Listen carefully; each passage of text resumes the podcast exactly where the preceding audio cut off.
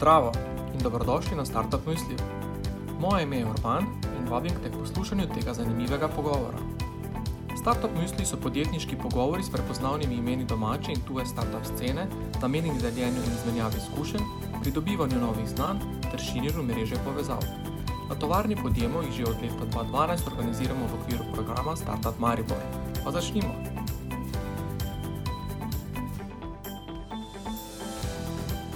Zdravo vsem, še enkrat uh, dobro večer in dobrodošli na Startup Mislijo, ki smo ga danes pomenovali Miti in resnica o sodelovanju majhnih in velikih. Zdaj ta naslov si lahko razlagate na več možnih načinov, pa za začetek, dokler ne, začne, dokler ne začnemo s tematiki, prepuščam domišljiji, vaši domišljiji prosto pot, uh, kako si ta naslov razlagate z našimi gosti, pa bomo potem debato utirili v pravo smer. Zdaj pa, komaj čakam, da začnemo s pogovorom. Z nami so štirje zanimivi gosti, Lucija, Andrej, um, Matej in pa Kristjan. Uh, začnemo, kot se spodobi, z Odamo. Uh, Lucija, direktorica AMZS-ja, dobrodošla na Startup Nusliju, v virtualni obliki, živijo dobro večer. Dobro večer vsem. Super. Lucija, um, AMZS, vsi ga poznamo kot tisto rumeno kartico iz uh, naših denarnic ali pa tistih uh, naših avtomobilov, ki je vedno pri roki, če se nam kaj zgodi na cesti, kaj AMZS um, nekako je danes, kaj, več, kaj vse več kot to, kot tista rumena kartica, ki se mogoče tradicionalno vsi še spomnimo. Ja, hvala, Urban, za vprašanje, ki je res zelo široko. Uh, pri nas um, delamo vse vezano na mobilnost. Absolutno, v bistvu smo v prvi vrsti za vse člane na voljo, na voljo kadar se na cesti kaj zatakne. Tako da to je ena naša najstarejša dejavnost, pomoč cesti in vleka. Ob tem pa uh, skrbimo za vozila z tehničnimi pregledi, registracijami in pa zavarovanji, in pa z, za uh, voznike našem AMZS centru varne vožnje in pa v naši šoli vožnje. Uh, dodatno od tega imamo en kup enih um, komplementarnih uh, tudi um, storitev, zato da lahko celostno poskrbimo uh, za vse naše voznike. Uh, tako da um, v zadnjih letih no, aktivno uh, dodajamo, se transformiramo, digitaliziramo. Tako da bom omenila morda še za konec uh, te kratke predstavitve, uh, dve naši najnovejši pridobitvi, ena že živi in sicer to je platforma za rabljena vozila, dober avto. In pa v bistvu pač tudi druga zelo uspešna aplikacija AMZS, ki ima pa več kot 400 tisoč uporabnikov in kjer lahko posamezniki spremljajo tudi prihod pomoči na cesti, svoje ugodnosti, Um, tako da tudi v tem pogledu ta kartica pridobiva na uh, moč in pa digitalizacijo v smislu spremljanja ugodnosti tudi v bistvu uh, po drugi poti. Tako da skrbimo pa tudi uh, predvsem za informacije in tako da uh, je voznik lahko uh, neobremenjen na cesti. Tako. Da bi se zelo široko poslanstvo, pa že široko pot, ki ste se zadali, trga moja vsa področja mobilnosti in ta mobilnost je prav gotovo veliko več samo kot pomoč na cesti, pa vaši centri, kot, kot, uh, kot si omenila. Um, super, zdaj ne namignili so, uh, so mi, ne, da si bila tudi v, bistvu v mladosti. Uh, Ne, karting in reili sta bila tvoja v bistvu, spremljevalca od majhnih nog. Je to tudi nekako tisti uh, izvor te ljubezni do jeklenih koničkov, s katerimi je AMZS tesno povezan? Ja, res imam dirkaško licenco, sem imela od leta 89, ko sem bila stara 9 let, tako da um, me benzin in pa uh, rumena naša zlata organizacija spremlja režijo od otroških uh, nog. Tako da, uh, če dirkaš enkrat pod zastavo AMZS, uh, ne moš drugače, kot biti AMZS. Uh, ja, eno poslanstvo, ki prej nisem omenila, je tudi skrb za uh, motošport uh, in pa kartik. Ja. Zdaj, če ni skrivno, v katerih kategorijah, eh, v, oziroma v katerih, ne, kje si dirkala? Uh, zdaj bom pa malo zadrigi. Uh, vozila sem od majhnih nog, uh, sem karting vozila, potem v bistvu presedlala na Formulo, Ford, Formula 3. Uh, potem pa v bistvu neko, to je res uh, zelo drag šport, uh, sem se preselila v cestno hitrostne, gorsko hitrostne reili. Zdaj, zadnje deset let sem pa aktivna na dvokolesnikih, to je sedma moja športna panoga. uh, voza material. Tako da uh, veliko velik benzina ja, v teh letih. Skratka, edin, edin prostor, kjer upam, da ne dirkaš, je cesta, ne, uh, kjer ne postavljaš rekorda in ne zmaguješ, ne, oziroma zmaguješ na, na drugačen način. Uh, Lucija, hvala uh, za to kratko uvodno predstavitev uh, in seveda kasneje uh, nadaljujemo s vprašanji. Sledi um, Andrej. Andrej, um, dobro večer in dobrodošel na današnjem musliju. Zdravo. Zdravo. Zdaj, Andrej je, jaz mislim, da je z naskokom najmlajši član današnjega omizja, uh, je nekako avtor um, te resničke Your Flair, ki je tudi, kot bomo kasneje spoznali, tesno povezana z AMZS. Andrej, uh, na kratko, malo tvoja zgodba in uh, kaj je narobe z v bistvu igranjem uh, in uh, takimi srednješolskimi pobalinščinami, zakaj je v bistvu podjetniška zgodba tako hitra? Uh, pa bi rekel, da je dejansko igranje igre, sploh vse to, to je bilo tam nekje 13-14, ampak uh, na eni točki mi je postalo zelo dolg čas in sem začel pač nekaj drugega. Dejansko je resnička na začetku bila kot nek projekt, uh, ki sem ga naredil uh, bolj, pa jaz bi rekel, v, z neko računalniško usmernostjo. In na koncu pa je ta projekt nekako uh, prišel nekaj večjega in je šel v tisto smer, da, uh, da smo danes za vse. Ja. Prej si v tistem ogrevanju, v zakulisju, ne, če se lahko tako izrazim, omenil, da je to en eksperimentalen projekt, ki je šel predaleč. Tako je. Ja, tako.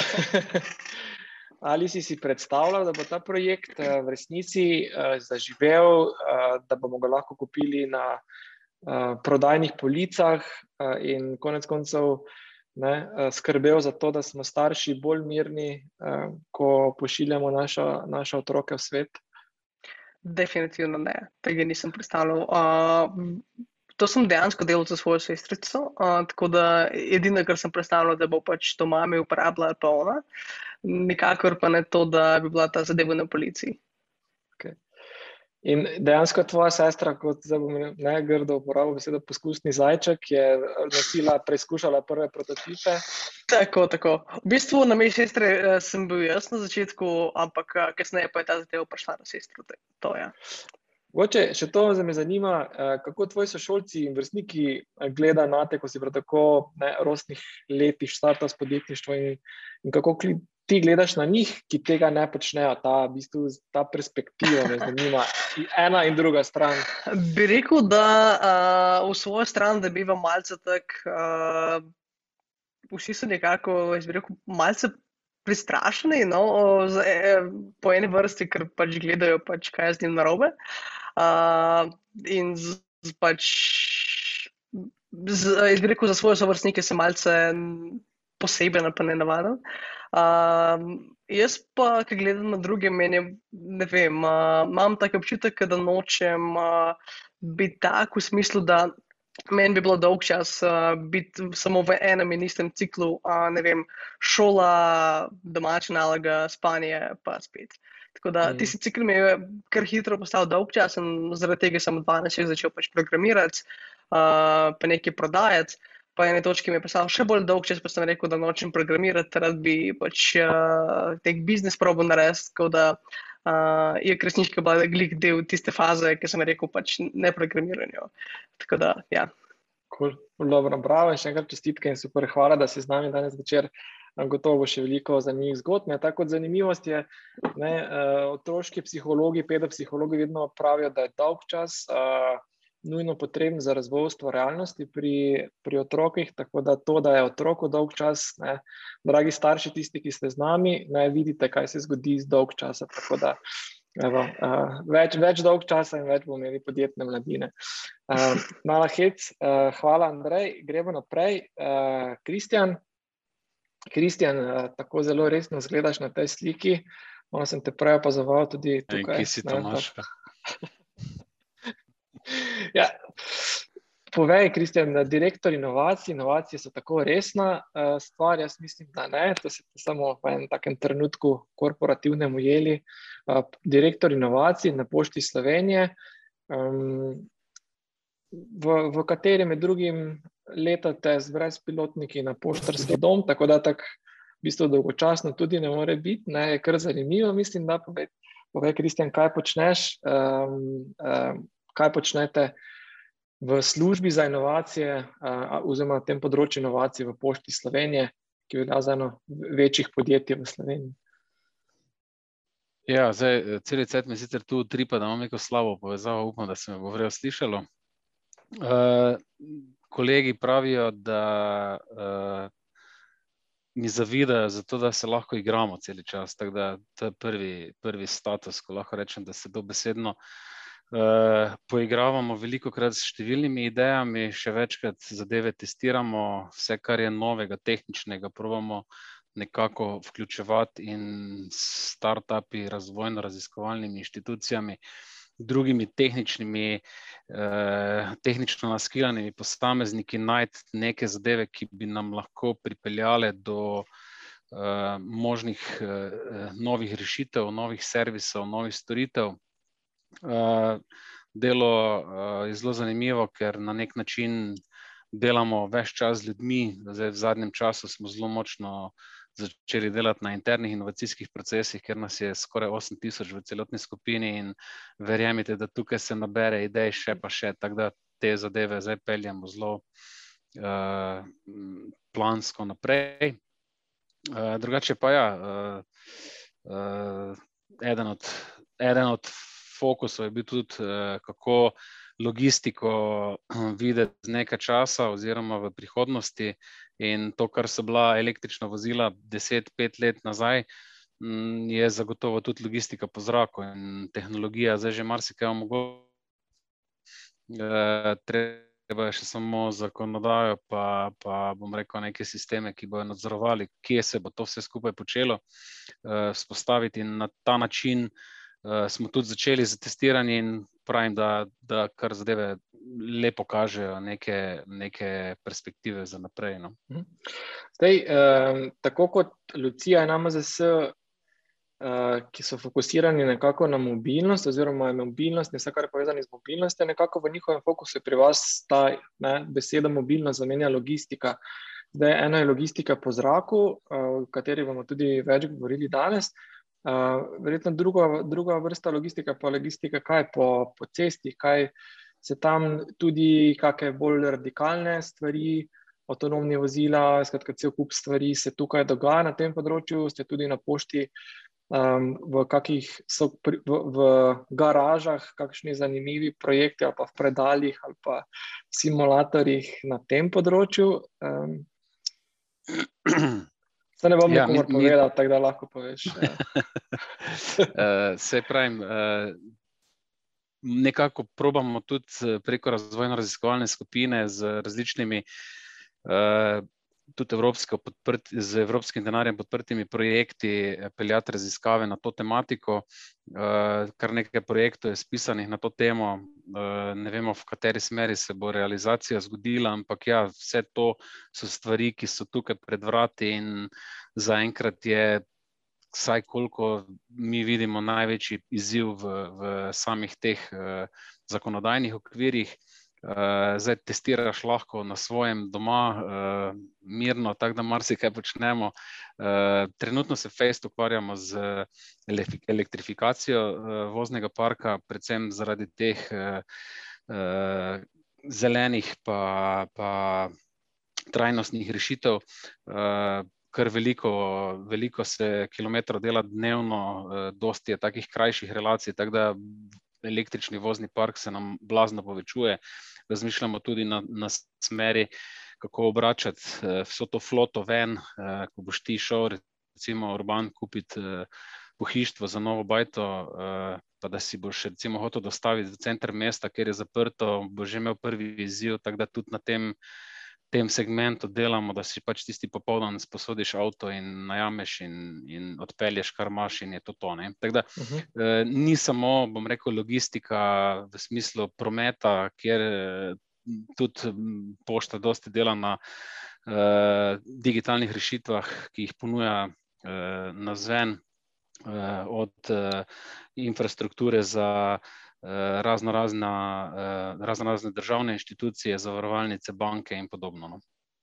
Tako da na vseh aspektih iščemo tisti, tisti dodatek, ki lahko bodi si olajša, optimizira delo, izboljša uporabniško izkušnjo, prinese nove poslovne modele in to je zelo tako dinamično in zanimivo delo. Sploh ne dvomim. Hvala, Kristjan, za enkrat. Nadaljujemo še s kratko predstavitvijo četrtega gosta, Matej. Vse po eni stvari smo si enaka ali pa zelo podobna, pa naj to udeleženci ugotovijo, po čem. Matej, povej, torej vi ste iz, iz podjetja Elevonix, kjer delate te v bistvu zanimive letalnike, ki so tudi za tavo, za to na tvojem ozadju. Kako ste začeli, kaj počnete v podjetju um, in kako ste se konec koncev znašli tudi uh, ne, v sodelovanju s pošto? Vse skupaj se je začelo že leta 2014, ko je naš prvi prototip poletel. Iz, nastale pa vse pravzaprav iz ljubezni, iz hobija, iz modelarstva. Večinoma, ko smo začeli skupaj, je bilo v modelarstvu. Um, potem, ko se to nadaljuje, ko se vidi, kakšne zmožnosti so, kakšne tehnologije, kaj vse še ne veš, kaj treba še vse zvedeti, kaj se treba naučiti, potem to počasi raste, raste, raste in na koncu zdaj imamo podjetje, ki bo počasi tretje leto. Vmes smo pa imeli pač čast tudi, da smo sodelovali kot eden od partnerjev z Pošto Slovenije, ki je bil pa svoje vrsten tak zelo, zelo zanimiv projekt, zelo velik stvari je bilo od samega začetka, pa do potem do izpeljave, kjerkrat se usedeš doma za mizo, pa rečeš, čak, kako bomo pa to naredili, pa na koncu nekako uspe. Odlično. Um, še to, skratka, um, ne, dron oziroma ta um, dostava na pošt, prve pošiljke na poštarski dom je bila nekako tista, torej na Vršiču, je bila tisti prvi tudi zelo medijsko odmeven projekt. Um, verjetno se je tudi veliko še odvijalo v ozadju. Um, kaj, kdaj je točno, oziroma um, kdaj je zanimivo, zakaj je v bistvu ta, ta, to povezovanje, ali je vam ne, v podjetju zmanjkalo izzivov, ali je bila to pobuda iz strani pošte, um, in kakšna je bila strategija, uh, ali je to strategija povezovanja z velikimi večjimi podjetji nekako v vašem poslovnem načrtu že od vsega začetka? Da bi mi imeli zavestno že vnaprej strategijo, da bi se morali ali pa da bi se želeli v prvem drugem letu povezati z neko tako veliko podjetje, kot je Pošta Slovenije, tega tudi približno nismo mislili. Spet okoliščin je pa prinesel, to se pravi, da je Pošta Slovenije pravzaprav preko podjetja Van Dron, ki z njimi sodelujemo iz Ljubljane, stopila v kontakt z nami z pač vprašanjem, če je takšen tip projekta, kot ga je pošta potem z nami in z Vandronom izpeljala, sploh mogoče. Da, da je čist stvar, dejansko ni bilo namenoma, da bi mi šli tja na pošto, pa potrkali, pa rekli, da mi pa zmoremo to, pa to ampak je bilo nekako malo izziva, da je tudi pošta nas vprašala, pocukala za rokav, pa rekla, da stvar gre v to smer, ali je Slovenija sposobna tudi to narediti. In zdaj, uh, Matej, ko ste odprli to Pandorino skrinjico, ne, ali pa to ne, uh, pojačali, to čakro sodelovanja z večjimi podjetji, ali boste zdaj, od zdaj naprej, tudi sistematično iskali priložnosti povezovanja z drugimi eh, domačimi in mednarodnimi podjetji, ali je to bil bolj enkraten projekt, in, eh, pri katerem boste ostali in bolj čakali na kakšne priložnosti, ki bo, vas bodo nagovorile, podobno kot pošta. Mi od vsega začetka, odkar imamo podjetje ustanovljeno, zelo delamo na tem, da se povezujemo z ostalimi zelo hitro smo gotovili, da eno podjetje, ena oseba, en, en, eno znanje, en tip uh, stvari ne gre. Povezovanje, to, to je v, našem, v naši viziji, je to stvar, ki ima možnost, da, da se razvijamo in mi, in potem naši poslovni partnerji. Zdaj, v sodelovanju s pošto sta se zgodili dve, dve, dve stvari. Prva stvar je bila, da smo mi nekako bili kot klasičen start-up, in nismo takoj razmišljali o tem, da pošta, kaj pa če bi jim ponudili take stvari, se to je možno, pa, da, da bi z njimi sodelovali. Po drugi strani se je pa potem še zgodilo, to se pravi, da je iz strani pošte njihova zahtevnost, to se pravi, njihove želje, njihova vizija vnaprej, tudi nas prsila malo v, v razmišljanje, kako bi temu rekel, izven, izven osnovnih okvirov, ki v določenem trenutku misliš, da si že tam. Pa vidiš, ko imaš neko, nekoga zraven, to se pravi, ki ima toliko pa toliko izkušenj na drugih področjih, ki ima toliko pa toliko povezav, ki je že povezan v večje konzorcije, v večje sisteme, da dejansko nekako si pašemo. No? Tudi ne glede, da smo mehni, nekako mislim, da smo tisti konček, tisti zadnji detajl, ki ga je pošta rabila v tej situaciji, eno, da smo tudi znali mi prnesti zraven kot telefon. Super, odlično. Čestitke za sodelovanje, za ta doseg, za ta uspeh, um, katerega se še prav, prav gotovo dotaknemo zdaj. Um, nekako z temi uvodnimi um, uh, predstavitvami um, smo nekako zaključili. Zdaj veste, kdo so naši gosti, tako da upam, da se vam je utrnila tudi kakšna misel, morda tudi kakšno sodelovanje, kakšna ideja za sodelovanje. Pripričan sem, da glede na to, um, da je nekako sodelovanje vsem štirim v. DNK-ju, da bodo odprti tudi za kakšno povezovanje. Tako da kar v čat zapišite ideje, kdo ste, kaj počnete, morda kakšna zanimiva misel. In pa tudi, seveda, koliko imate vprašanje. Um, če ste bolj sramežljivi, zapišite vprašanje v čat, kolikor ne, uh, odprite kamero, zakričite in uh, zastavite vprašanje. Um, tako da bo ta debata res uh, zanimiva in pestra in uh, tako raznovrstna. Uh, nadaljujemo z.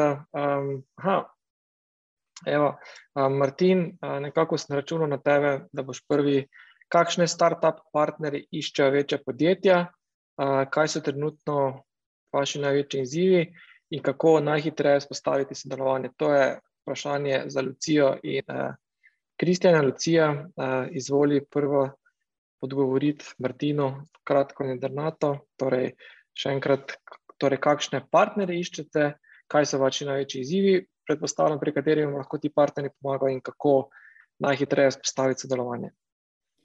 Ja, uh, nam so najbolj zanimivi startupi z področja mobilnosti in trajnostnega razvoja.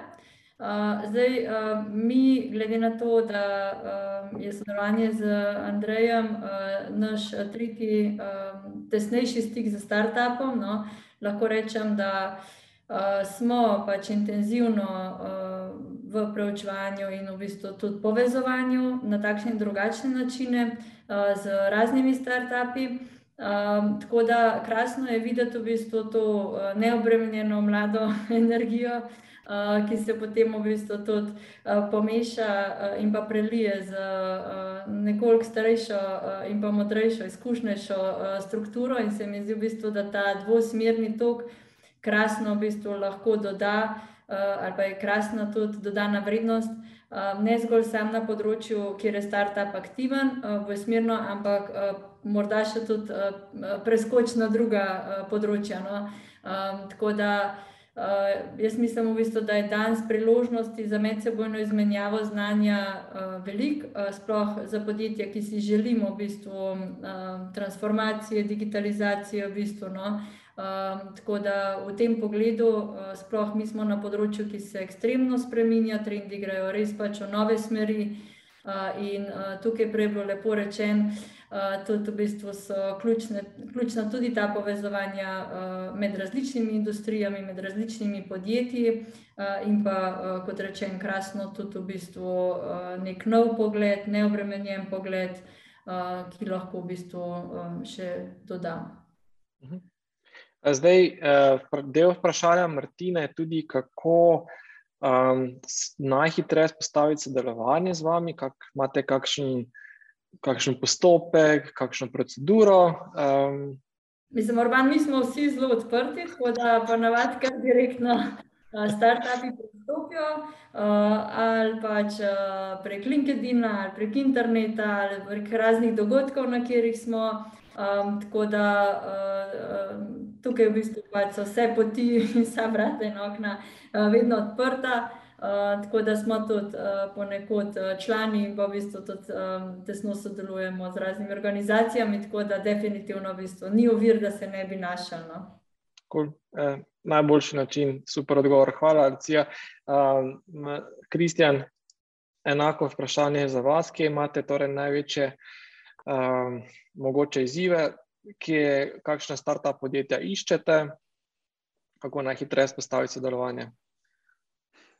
Uh, mi smo v bistvu v ta namen že leta 2018 postavili rekel, neko strategijo sodelovanja s startupi, ker smo tudi zelo odprti uh, klic naredili in smo pripravili rekel, neko uh, spletno stran uh, po startup.com, uh, kjer v bistvu zelo natančno definiramo področja, na katerih uh, se lahko najdemo za startupi.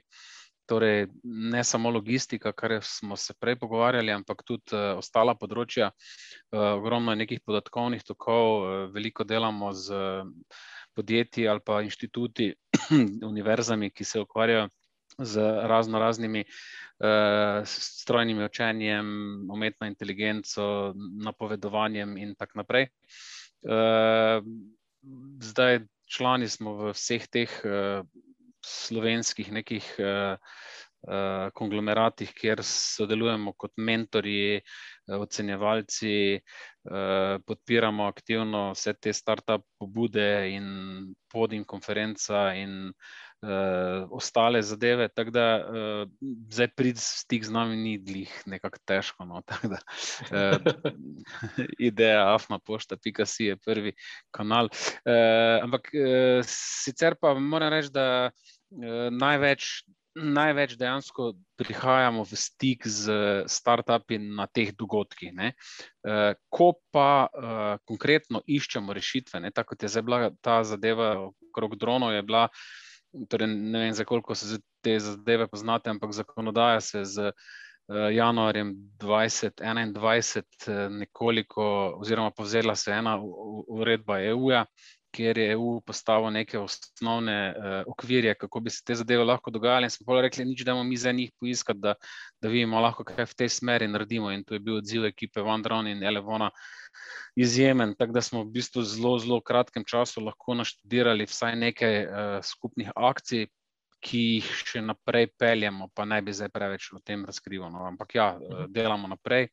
Uh, Tako da je oboje stransko. No, dosti krat, ko, ko se pojavijo problemi, eh, zdaj v osnovi to sodelovanje, torej organizacijsko izvajanje eh, inovacij v, v pošti, je bolj razdeljeno na tisto raz, eh, raziskave in razvoj, pa na ta način potem največ preko fakultet pa, pa, pa inštitutov sodelujemo.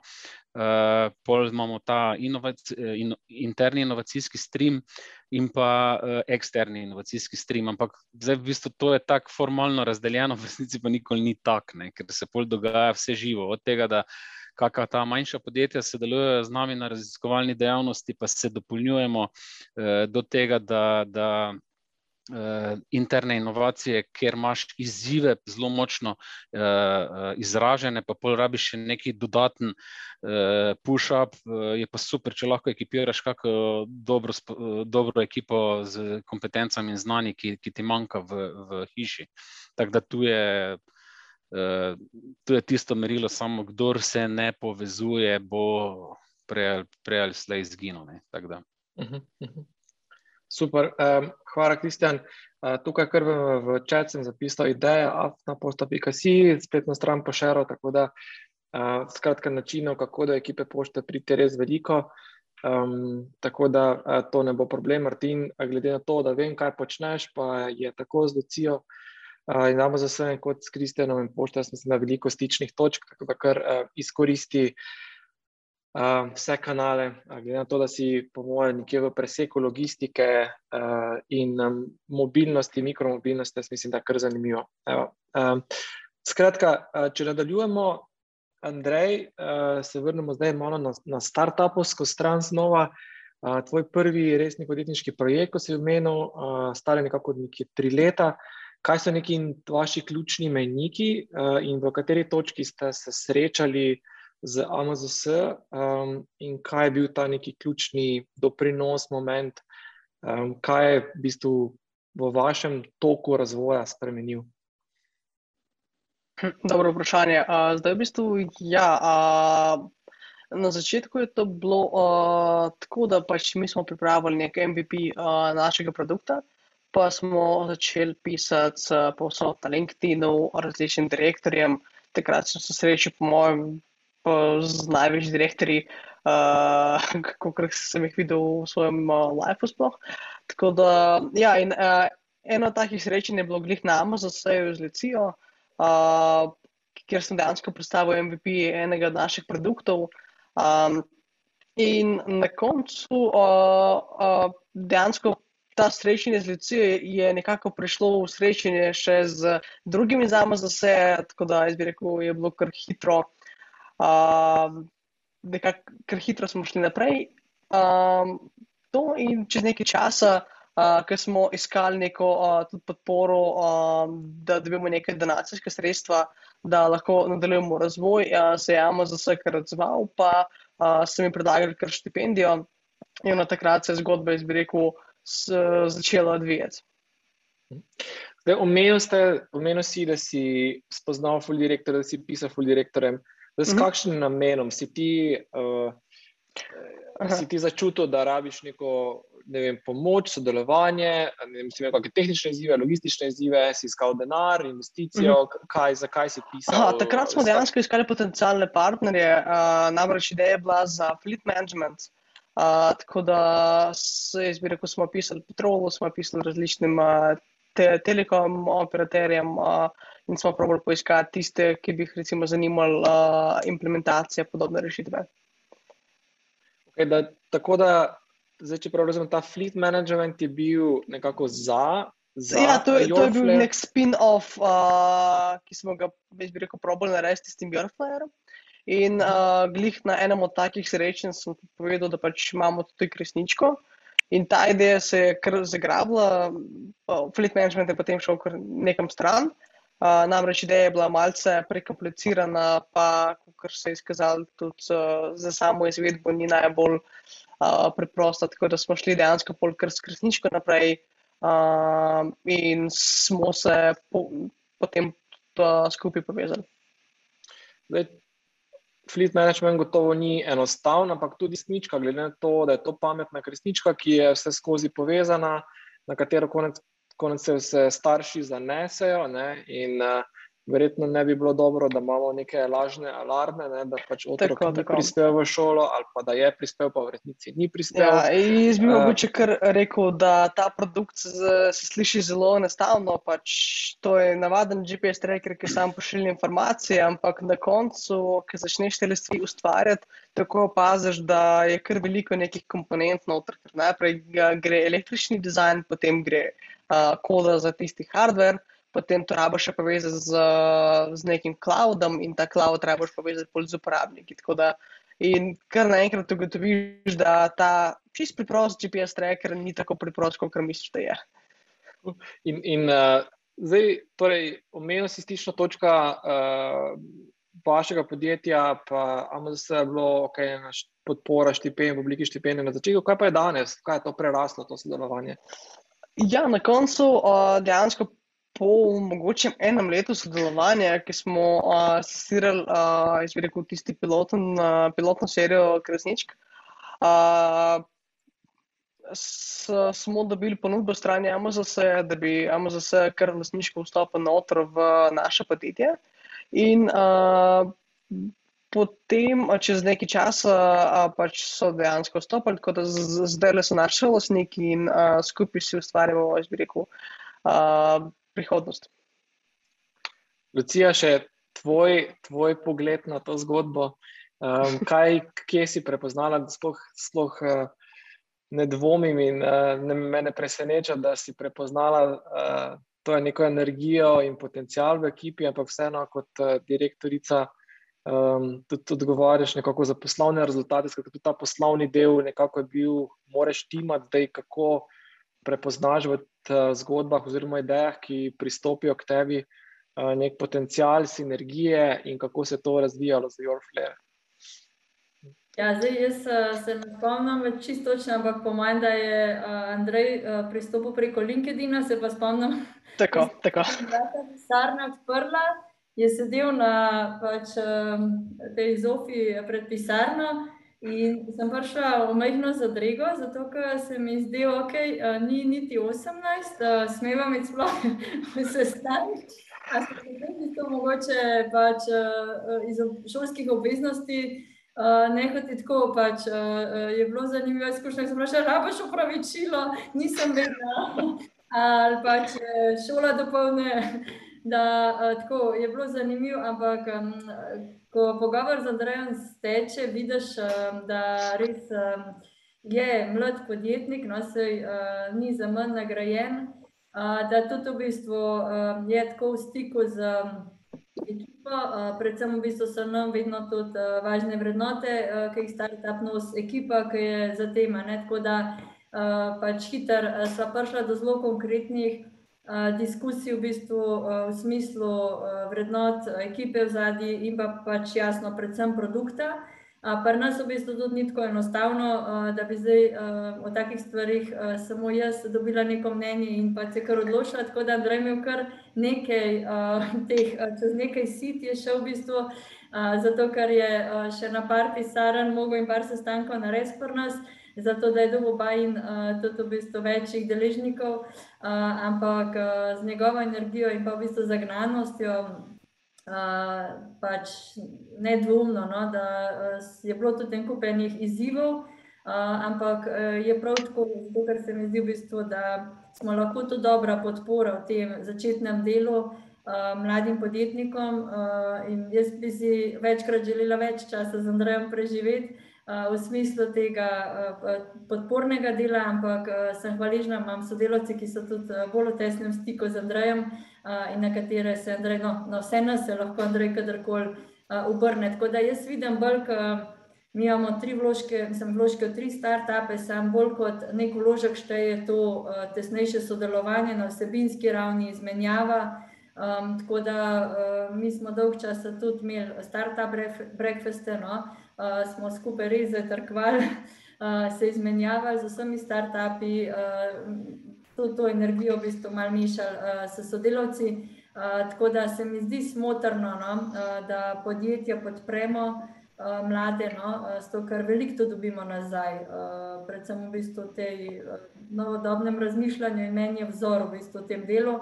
Jaz pa 17, 18, 19 nisem, um, pa sem pač to zelo podjetni tip človeka, ampak v bistvu, ko vidiš, da nekdo res ima že uh, kar nekaj sestankov, uh, ko je prišel, res je bil od uh, skaze že vajena, ni da ni v bistvu tako, je impresivno, no? uh, si rečeš wow, v bistvu in ob, ob šolskih obveznostih, ob tem, da uh, pač nisi čisti iz lokalnega okolja, ne? je spoštovanja vredno. No? In se mi zdi, v bistvu ne podpreti to bi bilo uh, za nas kot organizacijo škodeno. Lucija, omenila si tri investicije, um, lahko razkriješ, kdo sta preostali dve, uh, poleg uh, Andrejevega podjetja? Ja, uh, mi smo v bistvu še uh, pri uh, Ava Living Labu in pa pri Nerftihu zraven. Uh -huh. okay, odlično. Zdaj, tudi Lucija, uh, ta ne, pri 34, si v bistvu že postala direktorica MDS, 2019 postala mlada menedžerka leta, leta številke, pod tvojim vodstvom so se izjemno povečale, um, v dobrobit podjetja in seveda zaposlenih. Uh, 400 zaposlenih, skoraj polovica žensk, petina zaposlenih, starejša 55. Skratka, v enem intervjuju si tudi dejala, da vas krepijo tako starostna, spolna in izobrazbena raznolikost, kot tudi različni pogledi, znanje in ideje. Um, ali je tudi ta neka raznolikost uh, in različnost uh, nekako tvoje gonilo pri vodenju podjetja, uh, ki je skupnem tudi tem povezovanju s start-upi? Um, ja, jaz mislim, v bistvu, da je veliko življenja prav v tej uh, raznolikosti. Uh, jaz uh, tudi uh, zelo podpiram to miselnost, da če bi vsi na isti strani barke sedeli, v bistvu bi se barka hitro prevrnila. Um, tako da velikrat v podjetju veliko časa Eh, namenam uh, predvsem v bistvu, da se slišijo različna mnenja, zato ker smo definitivno z različnih profilov, um, tudi v bistvu enostavne stvari ali pa Pri zadnji strategiji sem celo ugotovila, da si mobilnostne termine, zato ker se mobilnost res zelo spremenja, lahko tudi z različnih zornih kotov razlagamo. Tako da se mi zdi pomemben, sploh v teh časih, da cenimo, spoštujemo mnenja in v bistvu se predvsem učimo in slišimo. No. Tako da tukaj, kot rečeno, v bistvu nek neobremenjen pogled startupa. In smo sploh v času, ko startupi prehitevajo tradicionalna velika podjetja, se mi zdi pač to še toliko boljše, no. Tako da jaz res stavim na raznolikost in na to v bistvu, da definitivno je moč v ekipi in v povezovanju. Prej je bilo krasno rečeno, v bistvu brez povezovanja, se mi zdi, danes v bistvu ne moreš zmagovati ne v poslu, pač niti ne v medosebnih človeških odnosih, no. Okej, super, super, super leitmotiv in pa super vrednota. Res čestitke. Zdaj, malo za popestritev današnjega pogovora smo tudi eno tako spletno anketo pripravili, menti.com, če greste na to spletno stran, vtipkate kod dogodka osemdeset šestinšestdeset devetdeset sedemindevetdeset, imamo eno tako anketo, ali ste že preizkusili v katerem od centrov varne vožnje. Za enega izmed sodelujočih bomo tudi izžrebali nagrado, tako da se splača sodelovati, zaenkrat štiri in pa sedem. Pri toliko veliko ne-ih definitivno moramo kak popust ponuditi, ne. Oziroma se to tehnično da urediti, da so udeleženci registrirani, pa jih lahko obvestimo, ampak se mi zdi, da ni priložnosti za dodatno prodajo. Ker center varne vožnje je res mnogo več kot to, da se učimo voziti, no. Je res tako veliko igrišče mobilnostno in lepo vabljeni vsi, no. Tako da, če se pa da tehnično kako zrihtati, da, da dobijo udeleženci neke kupončke, pa z veseljem pripravimo. Hvala lepa, z veseljem sprejmemo to ponudbo, Lucija, bomo poslali vsem, ki so bili prijavljeni, in med temi prejemniki, ne, priznam, sem tudi jaz, tako da tudi jaz še nisem bil v tem centru varne vožnje, čeprav gotovo pa oziroma upam, da bom čim prej. Tako da z veseljem pridem pogledat, kaj je vse tam zanimivega. Evo, tako, zdaj smo malo spodbudili sodelovanje, evo, številke lepo rastejo, ampak ne, ta stolpec ne je na žalost še vedno višji, tako da očitno, ne, ne vemo, kaj vse zanimivega se tam lahko počne. Ta čas, ko poteka to glasovanje nazaj na na Kristjana, prej smo že malo v bistvu nakazali, torej koliko je pošta sploh nekako dostopna startupom, sodelovanje s startupi, startupom, kako iščete neke potencialne partnerje, inovativne projekte, zdaj omenil si, da je ta interni steber nekih inovacij zelo močan, verjamem, da je več pobud, kot jih lahko nekako prežvečite. Na drugi strani verjetno je tudi kar veliko podjetij pristopa do vas. Imate, kakšen je ta, v bistvu ta lijak, če se malo izrazim prodajno? Ja, mi ga tudi imenujemo inovacijski lijak, tako da v bistvu imamo tako organizacijsko, imamo eno ožjo ekipo, ki se ukvarja samo z inovacijami. Pa seveda inovacije od razvojno-raziskovalnih projektov, kjer je ogromno inovacijskih stvari not, rekel, različne tehnologije.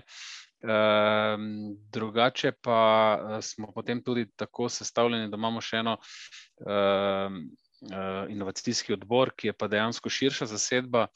Eni bi temu rekli ko neke vrste tisti, ki širijo glas inovacij po drugih področjih Pošte Slovenije, mi smo zelo veliki pa, rekel, zelo dosti teh nekih področij, področij je na, na Pošti Slovenije, tako da je zelo pomembno, da v vsako področje pač pridemo s tem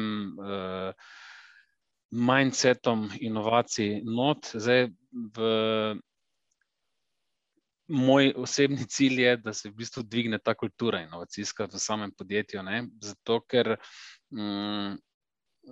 že iz moje preteklosti, ker sem v bistvu delal v izobraževalnem sistemu, pa sem ga probal spreminjati, pa potem, zdaj mogoče bo za koga bogokletno zvenelo, korona prišla, pa je vse to, kar smo hoteli narediti mi prej, naredila v dveh tednih, ne.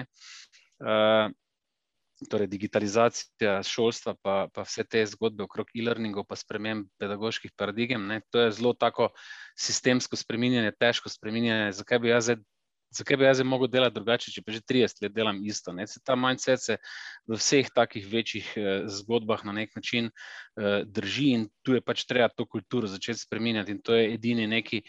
Eh, Game changer, ki lahko pol generira nekaj. Ne. Zdaj, zagotovo z temi internimi inovacijskimi pobudami ne bomo uh, bom rekel, delali novih eh, disruptivnih eh, zgodb, ampak že to, da človek, ki vsak dan prihaja do nekih težav, ne, pa vsi vemo, da če imaš sam problem, pa se ga dobro zavedaš, se ga boš tudi prej ali slej eh, loto na nek način reševati. Ne.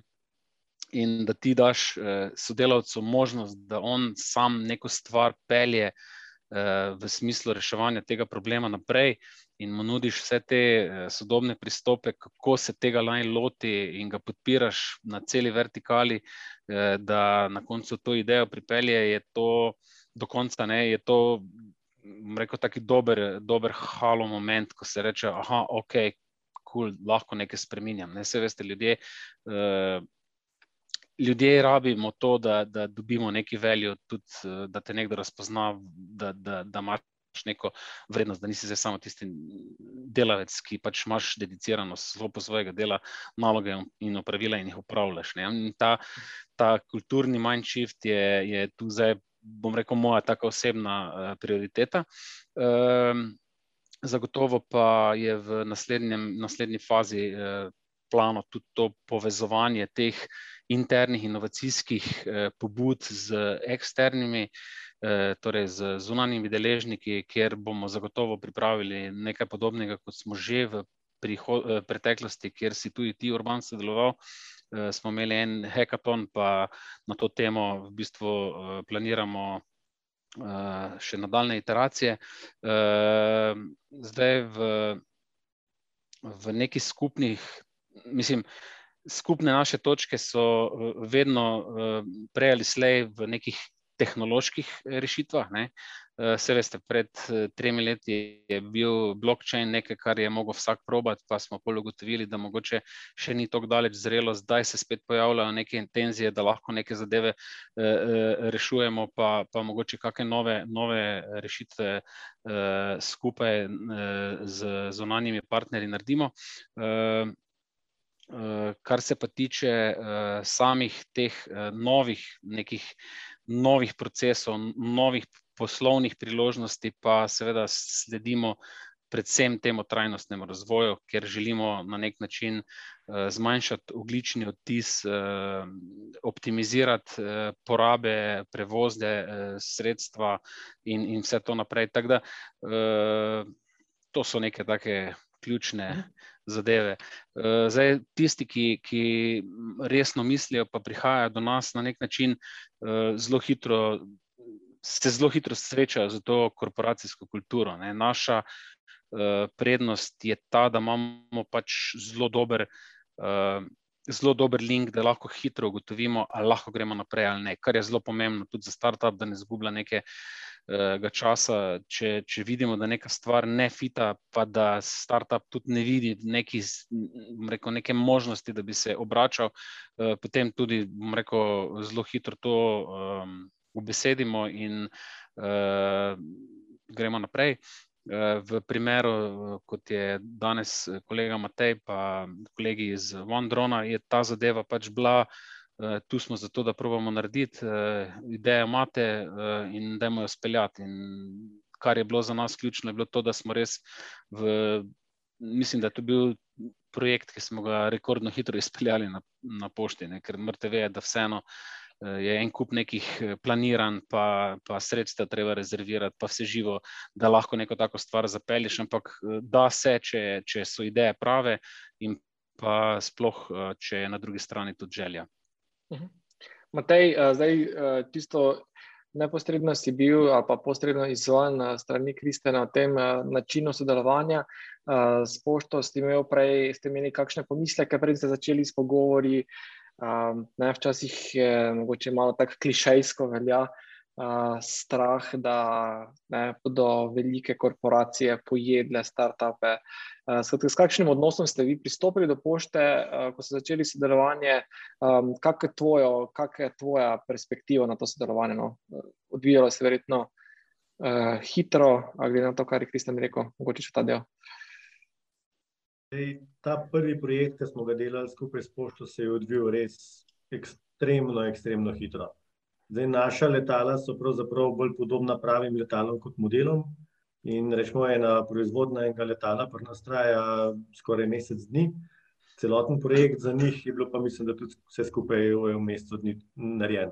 Že se predstavljate, ko smo imeli prvi klic z gospodom Kristjanom, ki Kristjan pove, to se pravi, njegovo željo, pa reče, da ja, najboljša lokacija je pa poštarski dom v, v, v, na Vršiču. Si predstavljate, koliko pokra bi mogel človek preigrati, da ne naredi? Uh. Kaj je to, se pravi, iz tehnične strani? Kaj smo mi vse v tistem trenutku razmišljali? Kje je to, višina, dostopi, kako, zakonodaja, dovoljenja, tehnikalije, to, to, to je bilo tako. Mm, danes stojim tukaj zraven, takrat je bilo fajn, da sem sedel. Na koncu je stvar se izpeljala, drugi pomislek, ki smo ga pa imeli prvi dan, mi kot uh, iz naše strani tehnične, super, ena veliko podjetje uh, ima idejo, ima možnost uh, z nami to izpeljati, ali bodo sploh odzivni. Prav, startupi se predstavljamo kot neko podjetje, kot pošta in podobni. Aha, super, danes se slišimo, mogoče bom pa imel srečo, pa ga bom spet čez en mesec ali pa dva, mogoče čez pol leta spet dobil na telefon. V primeru pošte, ne, ki je bilo treba dobiti en odgovor od kogarkoli iz pošte, pravzaprav imeli so svoj tim, s katerim smo mi lahko dnevno, vsak trenutek, ko nekaj smo rabili, smo nekoga na pošti dobili, da smo lahko problem um, razdelali in ga pač rešili v najkrajšem možnem, možnem času. Da bi nas pa nas bilo strah, ko to, aha, velika kooperacija, se nas bojo pojedli. Mi nikdar nismo imeli tega občutka. Ne? Strani pošte ga niso dali, ali pa da bi oni nam, um, da bi se proti nam obnašali kot, a se vi ste pa neki mali start-up, da imamo to hitro nekaj narediti, pa bo. Ne? Ne, vso podporo so nam nudili. Um, dejansko smo se počutili pri njih kot del, kot enakovreden partner. Da, daleč od tega, da bi bil kakršen koli kdaj pomislek, da so pa neki veliki bojo, bohe kaj z nas naredili. Ne, v našem primeru se to ni dogajalo. Okay. Super. Um, zdaj, glede na to, da smo že kar v zadnjem, zajadrali v zadnjo tretjino um, pogovora, vse, ki želite kakš, zastaviti kakšno vprašanje, pozivam na to, kar stori. Naredite čim prej, glede na to, um, kak čas beži, ko je tako um, simpatično in jedrnato klepetati. Tako da dajte izkoristiti ta trenutek, ko smo tukaj v živo um, in zastaviti kakšno vprašanje v našem gostom ali v čat, um, kot Martin ali pa kar v živo. Um, hvala, Matej, za to uh, tvoj pogled na sodelovanje in zdaj razbil si kar nekaj teh mitov, ne, ki smo jih imeli o sodelovanju med velikimi in malimi. Uh, skratka, velik, ne, veliko veljavna podjetja, počasna, okorna, težko dosegljiva, neodzivna, ne, um, na drugi strani pa mali, hitri, agilni startupi. Um, tako da je super, da, ti, da je to dejansko mit uh, in da je, je to modus operandi drugačen. Um, Andrej, uh, mogoče zdaj še, še nate. Eh, kakšno pa je bilo vzdušje v, bistvu v vaši ekipi, ko so se v bistvu začeli pogovori, um, zakaj ste si želeli partnerstva, kakšne cilje ste si takrat zastavili? Uh, ste imeli tudi vi, ne dvomim, uh, uh, pogoje sodelovanja, kakšni so bili tako zelo opredeljeni, jedrnati, jasni cilji in pa pogoji sodelovanja? Ja, a, takrat smo dejansko iskali partnerja, ki nam lahko pomaga nekako a, vstopiti na trg, ki nas lahko podpre v vstopu na trg, a, mogoče tudi a, prek kakšnih ne vem, svojih kanalov ali pa ne vem, prek a, povezav. Tako da ne vem.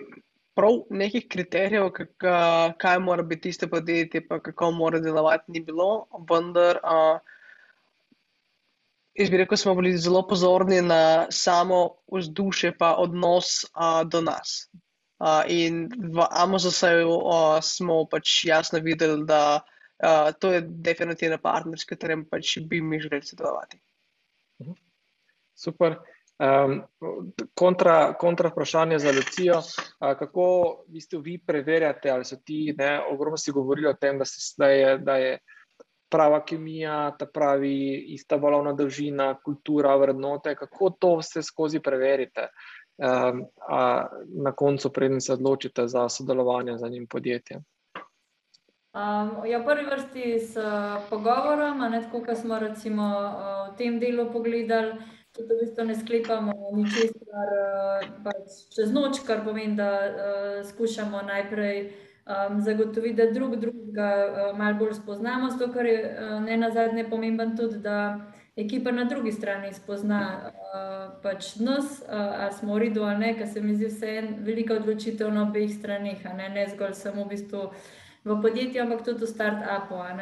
Uh, ki je na začetku in definitivno si kroji vizijo in pa v bistvu tudi načine. Zdaj, uh, jaz mislim, da so vrednote ena tistih uh, prvih ključnejših stvari, pa produktno. Uh, zdaj, če so vse te stvari uh, v redu, uh, definitivno mi, uh, pač kot delniška družba, smo dolžni uh, skrbno ravnati tudi z vsakim uh, vložkom v startup, vsako naložbo. Uh, tako da tukaj definitivno tudi gledamo ta bilančni del, uh, kakšen je poslovni načrt startupa kakš, kakšna je recimo petletna strategija, se pravi, bolj dolgoročno pogledamo, glede na to, da se ravno vsak dan odločamo za vstop. Um, tako da zdaj pa Andreju je bilo relativno enostavno, zato smo začeli štipendijo, uh, veliko smo bili v bistvu pa že na viziji, tako da smo se relativno dobro že uh, poznali. No? Uh, in potem v bistvu tudi. Um, ni bilo večjih pretresov, ne na eni, ne na drugi strani, zato ker smo res v bistvu, pač Andrej tudi oddelke dobro pozna, eh, sodeluje z njimi v bistvu. Uh, zato, ker smo definitivno na prvih stvarih, ki smo naredili, smo dali to krasničko, pri nas v prodaji, v prodaji uh, za kar v bistvu je uh, potreboval kar uh, dobro poznavanje našega načina dela in pa v bistvu to. Tako da je bolj kot ne v bistvu že takrat bil bolj domačno. Okay. Zdaj, um, Lucija za investicije pravijo, da je v bistvu podobna poroki, pri kateri pa definiraš tudi že hkrati pogoje odločitve. Skratka, natakneš prsta in hkrati se zmeniš, bo, kakšna bo odločitev. Um, zdaj, mogoče malo ta del, um, kako vi dojemate to investicijo, kakšna so vaša konkretna pričakovanja. Zdaj, seveda, o, govorimo o stvarih, ki jih lahko razkrijete. Um, ali je v tem trenutku v bistvu bolj ta podpora pri rasti, pri razvoju, v primarni, uh, primarna stvar, da mogoče malo uh, poslovnega, osvetliš poslovnega dela, pa poslovnih pričakovanj na podobne investicije. Kot je za Andrejevo podjetje. V izvoru nikoli ni pričakovanje, da bo ta startup naredil nek exit in bomo pač uh, potem uh, imeli nek uh, večji volumen denarja nazaj, ampak bolj kako lahko na področju mobilnosti skupaj premaknemo, vplivamo, skreiramo, so ustvarjamo nekaj večjega. Um, tako da uh, težko v bistvu gledamo zgolj samo en stebr tega dela, ali pa zgolj samo finančen del, uh, ampak je treba v bistvu bolj kompleksno uh, pogledati na sodelovanje. Um, tako da meni se zdi uh, tudi ključno, uh, da smo. Uh, ob boku, no, ali pa pač uh, s startupom, takrat, ko startupu tudi morda ne gre najboljše. Ne? Um, tako da tukaj se mi zdi v bistvu ključno to, uh, da probamo biti v prvem delu čim boljša podpora, v nadaljevanju pa absolutno v bistvu. No? Uh, jaz mislim, da in prvi, in drugi, in tretji startup. No? Uh, pač, uh, imajo potencial, da se razvijajo uh, pač tudi uh, v kaj zelo, ali pa v kaj večjega, tako rekla. No? Uh, Hkrati uh, smo uh, vedno iskali možnosti in sinergije, če lahko v bistvu ponudimo, zdaj, ok, Andrej je res bolj na začetni fazi, uh, ampak mi, mi smo opet znotraj mednarodne avtomobilistične klube in povezani tudi z drugimi klubi. Um, tako da tukaj pač obstaja tudi uh, neka sinergija ali pa povezava lahko z tujimi uh, klubi. Uh, tako da možnosti pač in priložnosti je veliko, zdaj, kje smo jih že lahko načeli, ki v bistvu pač morda še čakajo. Uh, ampak kot rečeno, v bistvu, no, uh, da bi zdaj v bistvu nujno sam računal na nek exit, no, uh, ni bila nujno naša prioriteta. No. Super, hvala. In gotovo tudi ni verjetno izključno finančni motiv pri Andreju. Vračam se, Andrej, na, na te. Um, skratka, Amazon je bil vaš prvi kupec, pomemben tudi mentor, kot smo slišali že več, večkrat danes, kar je izredno pomembno. Um, podpisali ste tudi pogodbo za trženje produkta na spletu in Amazon prodajni mreži in prvi mesec že dosegli več kot 20 tisoč evrov prometa. Zdaj, kakšen partner je, kaj vam pomeni sodelovanje z Amazon uh, in zdaj, kje ste na tej točki nekih bolj poslovnih uh, oprijemljivih številk danes, um, pa predem gremo na, na začnimo z stanjem danes, pa potem gremo na plane za naprej. Okay. Uh, torej, uh, če se ne motim, prvo vprašanje, kaj nam dejansko pomeni sodelovanje. Ja. Uh, ja, uh, v bistvu sodelovanje z MZS-jem, uh, na začetku je to bil res en tak dober kick, uh, ki nas je premaknil naprej ker uh, se dejansko vsi tukaj mogoče predstavljamo tisto situacijo, ker narediš nekaj MVP, začneš uh, pisati različnim ljudem, torej si tako, jaz bi rekel, v svojem tempu, ma, malce počasen, pa pač delaš tako, kot misliš, da moraš delati. In potem pride, um, jaz bi rekel, uh, ena taka korporacija, ki ti nekako zastavi tiste standarde in oziroma ti nekako tudi da kik za naprej da, odvi, uh, da se stvari malce hitreje odvijajo. Ker razumeš, da pač čas je tukaj zelo pomembna enota, ne samo uh, evre. In uh, to, uh, to je bil, jaz bi rekel, nek tak uh, faktor na začetku, kasneje pa seveda tudi mentorska podpora, ker uh, um, pri. Jaz bi rekel, v podjetništvu, pa še posebej, ker si tako uh, mlad, uh, je zelo bi rekel, potrebno razumeti, pa je zelo pomembno, če imaš nekoga ob strani. In eh, za me, za zame, smo pridobili, bi rekel, tiste, tiste občutek varnosti, pa tistega pravega prijatelja, ki pač vedno stoji za tabo. Tej, um, konkretno poslovno gledano, skratka 20 tisoč evrov prodaje v prvem mesecu, kar je ogromno. Um, kje ste nekako poslovno gledano danes, um, kako boste zaključili to um, recimo leto 2021 poslovno, uh, približno verjetno so že eh, dokaj dobri izrisi številk, uh, predvsem pa me zanima, ali to pred, uh, oziroma pod nad ali nekako v skladu s pričakovanji, ki ste jih imeli na začetku leta. Uh, bi rekel, da um, odgovor na to vprašanje je malce bolj kompleksen, kot uh, se zdi, ker uh, trenutno mi smo v tisti branži, ki je zelo odvisna od uh, elektronske komponente podabave. Vsi vemo, da to je zdaj največja kriza. Tako da, uh, bi rekel, mi smo zdaj v tisti situaciji, ker nimamo preveč zaloge, ker smo že večino razprodali. Tako da uh, zdaj dejansko, uh, glih, uh, bi rekel, postavljamo uh, tudi uh, neke kanale za prodajo v tujini. In medtem čakamo, da pridejo tiste uh, kose elektronke, ker debavne roke so sedaj od 6 mesecev do 12. Tako da jaz bi rekel, za start-upe, kot uh, smo mi, je to res, uh, kot bi rekel, uh, zanimiva igra, ker rabiš uh, najti tisti balans. Preživeti pa to, da čakaš tiste komponente, da končno pridejo uh, do tebe. Tako da jaz bi rekel, da zdaj smo v fazi, uh, ki uh, planiramo, uh, kako bi uh, šli uh, naprej. V bistvu, uh, prej smo bili izključno B2B2C, torej pač prodajamo preko nekih poslovnih partnerjev, sedaj uh, ciljamo na B2C prodaje, torej da začnemo uh, sami prodajati uh, prek uh, našega podjetja, uh, torej online. Tako da zdaj si glih pripravljamo, recimo, uh, stran uh, za, uh, za Avstrijo in Nemčijo. Smo že tudi pridobili partnerje na Polskem, pa v Romuniji. Tako da jaz bi rekel, pravimo tisto mednarodno širitev, ker uh, prodaja doma je stvar, prodaja v tujini pa je malce večja, pa kompleksna in bolj zahtevna stvar. Mhm. To, to še te nisem vprašal, um, Andrej. Uh, To področje varnosti, um, um, otrok v prometu, pa tudi sicer je, kar se mi zdi konkurenčno, je pomembno. Veliko tega problema sicer eh, v Sloveniji, hvala Bogu, ne čutimo tako močno kot v Tunisu, ja. mogoče v Ameriki ali pa v Južni Ameriki. Um, kaj pa konkurenca um, na tem področju? Jaz bi rekel, da konkurenca obstaja, vendar um, večina tistih jaz bi rekel, konkurentov so neke produkte z AliExpressa, ker to ljudje največ kupujejo, ker se ve, da pač 20 evrov je bolj intenzivno, lahko daš denar, pa pač probaš te zadevo. In uh, ker smo tukaj zastavili že od začetka, da naš produkt ne bo tisto, da ne vem, ko kupaš produkt, da imaš tisoč skrbi, uh, da rabiš SIM karto, da rabiš sem, sem, sem, prideti pa vse zrihtati. Mi smo rekli, da bo to, uh, ta zadeva all in one. Um, Torej, basically, prejmeš produkt, ki ima že vse inštalirano znotraj SIM kartica in da dejansko lahko out of the box uh, deluje.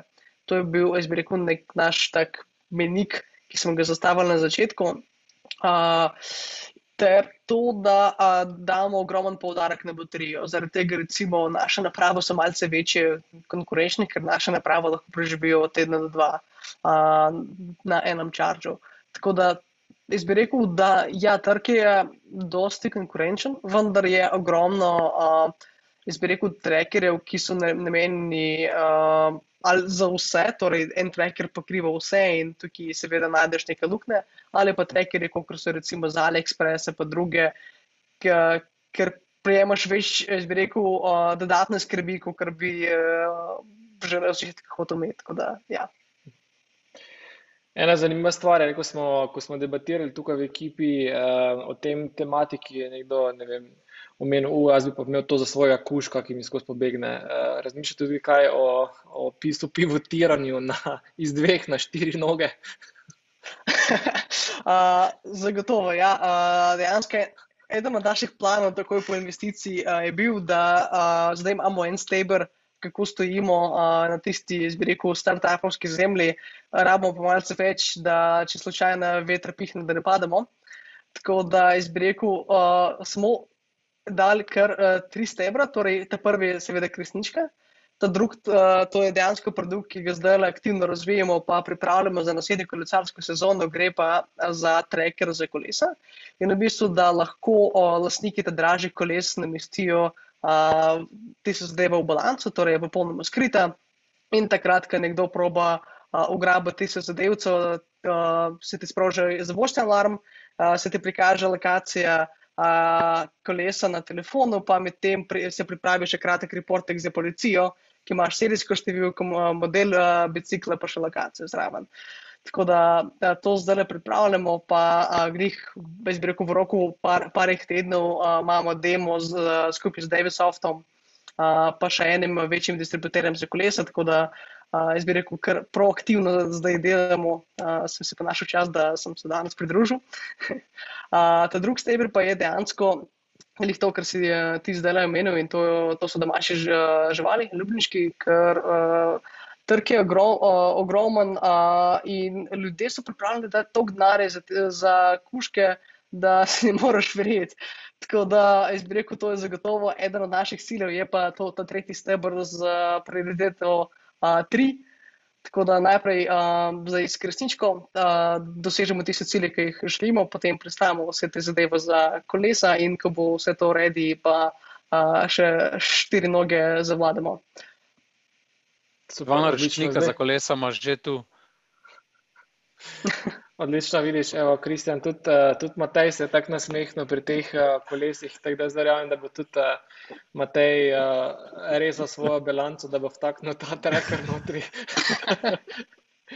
ja, tudi zanimivo, recimo, da ravno pred, pred kratkim je, prejšnji, oziroma ta teden je uh, Rimac naznano, da je v bistvu Porsche prodal, verjetno si zaznal, ne, Porsche Ventures. Uh, svojo krmilno enoto za električna kolesa, tako da tudi eh, tu čez, eh, čez, čez mejo uh, imaš um, potencijalnega partnerja oziroma uh, kupca. Super. Super, bravo, želim, da se vsi ti uh, uh, načrti uresničijo. Uh, tudi Martinov komentar je zanimiv, ne, da se to sliši dvoumno, ne, pivotiranje iz dveh na štirih noge, zanimivo. Evo, uh, super komentar. Gremo k tebi, Matej, še uh, čas se nam izteka, da malo pohitimo. Plani, kje ste danes, kam gre, kam bo poletel Elevon X v prihodnem letu? Ja, to je, kjerkrat je to mogoče malo težko vprašanje. Prej je gospa Lucija rekla, da preverimo, kje bomo čez pet let. Če pogledamo, to se pravi, da bi meni nekdo eno leto nazaj rekel, vaš dron bo pristal na vrh vršiča, ne bi takoj verjel. Ker zdaj tudi se pravi, če bi nekdo rekel, da bomo vem, čez eno leto začeli dejansko s pošto pakete voziti, vsakodnevno. Evo, ne vemo, tehnologija v našem segmentu gre zelo hitro naprej. Da, evo, roko na srce, zelo, zelo težko rečem, da bi vedel, kaj in kako. Um, nam je pa cilj, um, veliko delamo tudi z univerzami, um, stranke stojine, ker naša poglavitna prednost pred konkurenco je to, da smo se pripravljeni um, prilagoditi zahtevam našega kupca. Ni, za nas ni samo naš produkt, za njih to se pravi, da tukaj imaš, če, če misliš, da je naše letalo dobro, za en pa pet, ampak dejansko zgradimo nek odnos, nek, neko zaupanje na obeh straneh, da končen produkt za stranko, da je točen tisti, kar so si pač oni zamislili. Da je pa dnevno, ker so tako zanimivi izzivi, taki projekti, da ni, ni na dolg čas. No, ni na dolg čas. To, to ne dvomim, te povej mi, ti si iz panoge, poznaš tehnologijo, poznaš zakonodajo, skratka, poznaš vse nekako kritične elemente, poznaš za konec konca tudi pošto Slovenije eh, relativno dobro. Vprašanje, tako vizionarsko, mogoče malo provokativno. Kdaj, po tvojem mnenju, bomo v Sloveniji doživeli, dočakali leteče drone, ki nam bodo pred vrata na balkon pripeljali pošiljke iz Amazona?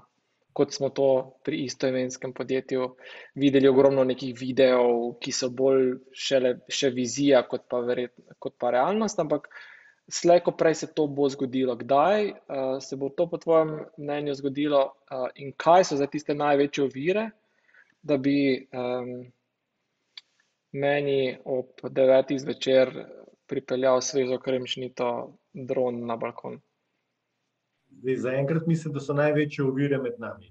Tehnologija dovolj dobro že podpira uh, možnost, se pravi, da bi se to dejansko izvedel. Ampak po drugi strani, da si pa predstavljamo, da bi pa v Mariboru zdaj vsakih pet minut nekdo hoci naročil v kremšnito, vprašanje, kako bi bilo to zanimivo za ostale, ki pač nočejo imeti kremšnito. Po drugi strani pa trenutno ona največja, to se pravi globalna ovira ali pa to je zakonodaja. To se pravi, moramo nekako pripraviti um, podlago za, za brezpilotne sisteme. Zanimivo je, to se pravi, da pošta vidi tukaj, to se pravi potencial in je tudi v, v poziciji, ki lahko, to se pravi, z svojimi idejami, pobudami, z svojim upetjem v poslovni svet, um, pomaga pri tej stvari, da bi se zakonodaja, rečemo v Sloveniji, tudi malo mogoče ali hitrejša, lažje, boljši premaknila. Zdaj predvidevam, da se bo najprej začelo dogajati mogoče kakšna dostava paketov um, med, dvemi, med dvemi točkami, varnimi točkami, kjer ne bo vpliva na kvaliteto življenja ljudi.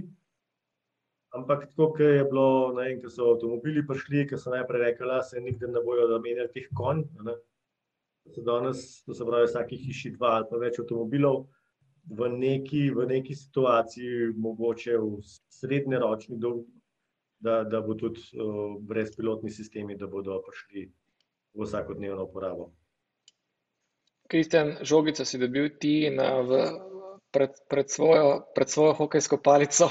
Odgovor je, skratka, katerega leta, kdaj bomo doživeli uh, brezpilotne pošiljke v kakršni koli obliki. Zdaj, očitno je veliko na vaših ramenih, jaz upam, da čutiš uh, težo na svojih uh, ramenih. Ne, se, uh, v bistvu je zgodba. Je... Se pravi, tehnološko je možno že marsikaj, pa vsak dan bo več uh, možnega. Zdaj, uh, teoretično uh, bo, se mislim, da je en datum 26. 1. 23. bo začela veljati ta nova odredba. Do takrat uh, imamo s partnerji, kjer v bistvu en taki simpatičen kozorči sestavljamo uh, zelo velike načrte, kako bomo zadeve zapeljali. Torej, gre namreč za to, da če se gremo v nekih prevozov z, drono, z droni, si tega ne predstavljamo, vsaj mi na pošti, ne pa uh, kolegi iz Elevona, pa z Vondrona, prav tako ne, da boš to vozil z nekim operaterjem, ki bo to kontroliral. Ne. Torej, zadeva gre v tej smeri, da se razvija sistem, v katerem se bo omogočilo varno, nadzorovano, urejeno letanje v nekem kosu zračnega prostora.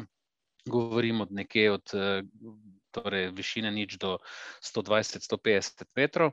Uh, trenutna zakonodaja, ki je na nivoju EU spostavljena, daje zelo dobre, uh, dobre izhodišča, da se te zadeve naredijo. Mi smo zdaj v fazi, kjer uh, že približno, pa zelo natančno vemo, kaj moramo narediti. Uh, Sestavljamo skupaj zelo uh, aktivno uh, skupino, s katero uh, bomo te zadeve razvili. Seveda, eh, partnerji so eh, različni, večji, manjši, eh, z univerzitetne sfere in, in tako naprej. Tak da,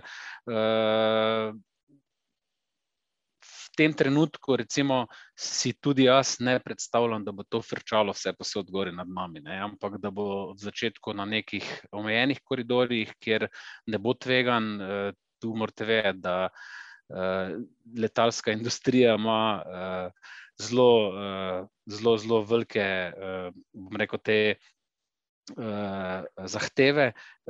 Zdaj, opcija je, da se te zahteve ne bodo, bom rekel, tako rigorozno v, v območje dronov spustile. Bi pa sam to rekel. Ne? A, a, a veš, koliko ton nad nami zdaj trenutno leta? Dobro se zdaj, da malo zmanjšam promet zaradi korone, pa, ampak vsekakor ogromno se eh, prevaža po zraku, v uh, vsakem trenutku, gor nad nami. Ne. Eh, tu je zdaj edina razlika, to, da bo to letelo nižje. Ne. Zdaj tudi delali smo, razgovore smo imeli tudi z podjetjem. Pipistrel, ki, ki tudi že, bom rekel, pro, načrtuje proizvodnje dronov za večje, večje, večja bremena. Da, jaz se bojim, da bo ta prihodnost prej tu, kot bomo mi pripravljeni na njo. No. Tako da ta del je treba upoštevati. Ja, tako je ja, lahko odgovor. Ja, lahko, ja, povej. Ja, lahko samo, zdaj, ko sem cel čas poslušal Andreja, ne, se sam sprašujem, ko sem jaz pri 19-ih počel. Ne, ne vem, se samo meni to tako zdi, ali še komu drugemu. No.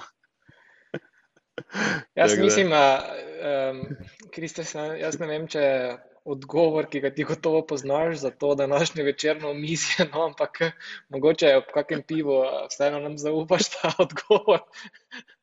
ampak ja, uh, jaz mislim, da se vsi enako sprašujemo. Uh, Ob tem, da verjetno poleg vseh teh treh stebrih, ki jih gradi v podjetju, obstaja še četrti steber, uh, katerega uh, skrbnika sta verjetno starša ne? in to se imenuje šola, uh, ki tudi verjamem, da ne, ne sme popuščati. Mogoče, Lucija, če smo začeli s teboj in zdaj sem še zaključimo, glede na to, da se nam ta prijetni klepet zaključuje. Um, skratka, ta nekako, kaj so nekako najbolj drzni vizionarski projekti, o katerih mogoče lahko govoriš, uh, um, ali pa načrti AMZS-ja povezani z to um, nekako mikromobilnostjo. Um, in nekako, ki jih, o katerih lahko z neko zagotovostjo trdiš, da bo v neki bližnji prihodnosti postali realno. Zdaj, cel kup teh nekih mikromobilnih sredstev, skirojev in je že med nami, že po ulicah, bolj ali manj čudnih, nenavadnih. Kaj, kaj nekako se izrisuje, kaj, so, kaj nas bo najbolj presenetilo in kdaj, če lahko kakšen, kakšen odsvirk daš za lahko noč. Ja, mislim, po mojem, da bomo uh, uporabniki imeli en kup enih priložnosti na transformacijo mobilnosti, ne zgolj sami mobilnost, ja, tudi mikromobilnost, pač delitvene ekonomije in tako naprej. Zdaj, mi definitivno gremo v smer integratorja na področju mobilnosti, kar pomeni, da si želimo biti stičišče različnih mobilnostnih storitev. Um, tako da tukaj že uh, pripravljamo, oziroma smo že kar daleč uh, za še eno digitalno rešitvijo. Uh, vsekakor no, nam je pa ključno uh, povezovanje in pa v bistvu ja, velik fokus na tej spremenjeni mobilnosti, ki nam res nudi veliko v bistvu enih priložnosti, zato da lahko v bistvu vsem pomagamo za lažje, boljšo transformacijo, predvsem v bistvu, no, pa zato da bomo vsi prešli mogoče na bolj trajnostno mobilnost. Jaz pa mogoče še eno misel za start-upe. Zato, ker menim, da tako strukturiran, kot je Andrej povedal, je krasno slišati, pa tudi strinjam se z Matejem, da pač je vizija na začetku lahko mogoče ali pa bolj vidna kratkoročna kot dolgoročna, ampak ta fokus se mi zdi pri start-upu ključen v bistvu, da neki steber dobro postavi, preden se na naslednjega, zato ker nenehno pivotiranje v začetnih fazah, ko iščeš uporabnika, pa skušaš v bistvu vsaj postaviti en steber, se mi zdi včasih, da odnese tudi kak dober start-up. Tako da v tem pogledu se mi zdi, no, ne zgolj samo Andrej, ampak mnogo tovrstnih posameznikov so navdih, no, tudi Matej in tudi med poslušalci verjamem, da imamo koga. Tako da pogumno naprej, pa jaz verjamem v bistvu, da bomo tudi podjetja in posamezniki vedno imeli posluh za to, da bomo dobro med sabo mešali in v bistvu zgenerirali kaj večjega. Hvala za, te, za ta lep zaključek. Ne bi si mogel želeti boljšega in lepšega, bolj inspirativnega. Hvala vsem za pogovor in za vse misli, ki ste jih delili, in pa za res krasne, skratka, krasne zgodbe, ki jih pišete. Hvala s tem, da ste to, kar ste. Ekosistem potrebuje tako večja uveljavljena podjetja, kot sta Pošta in MZS, ki po svojih močeh podpira in sodeluje s start-upi, z manjšimi zagonskimi podjetji in gradi ekosistem, kot na drugi strani drzne, predrzne start-upe, ki v bistvu disruptirajo, se hitro vračajo, letijo na poštarski dom ali pa celo na Luno. Tako da želim vam veliko uspeha še naprej. Seveda se veselim tudi skupnih zgodb, ki jih bomo pisali, ki smo jih že pisali, ki jih še bomo pisali skupaj s tovarno in z vami. Tako da vsem želim en lep preostanek večera. Naj gre zdaj fokus na tisti zadnji del večera, karkoli pač to je, da boste jutri super spočiti in šli novim zmagam naproti. Hvala še enkrat vsem, uspešno še naprej in se vidimo ob naslednji priložnosti. Pa lep večer. Ti je bilo všeč? Da ne boš zamudil novih epizod, klikni subscribe. Veseli pa bomo tudi tvoje ocene, komentarja in delitve, da za nas vedo še druge radovedne glave. Pobrskaj po naši bogati zbirki pogovorov, gotovo se v njej skriva še kaj zate. Se slišimo!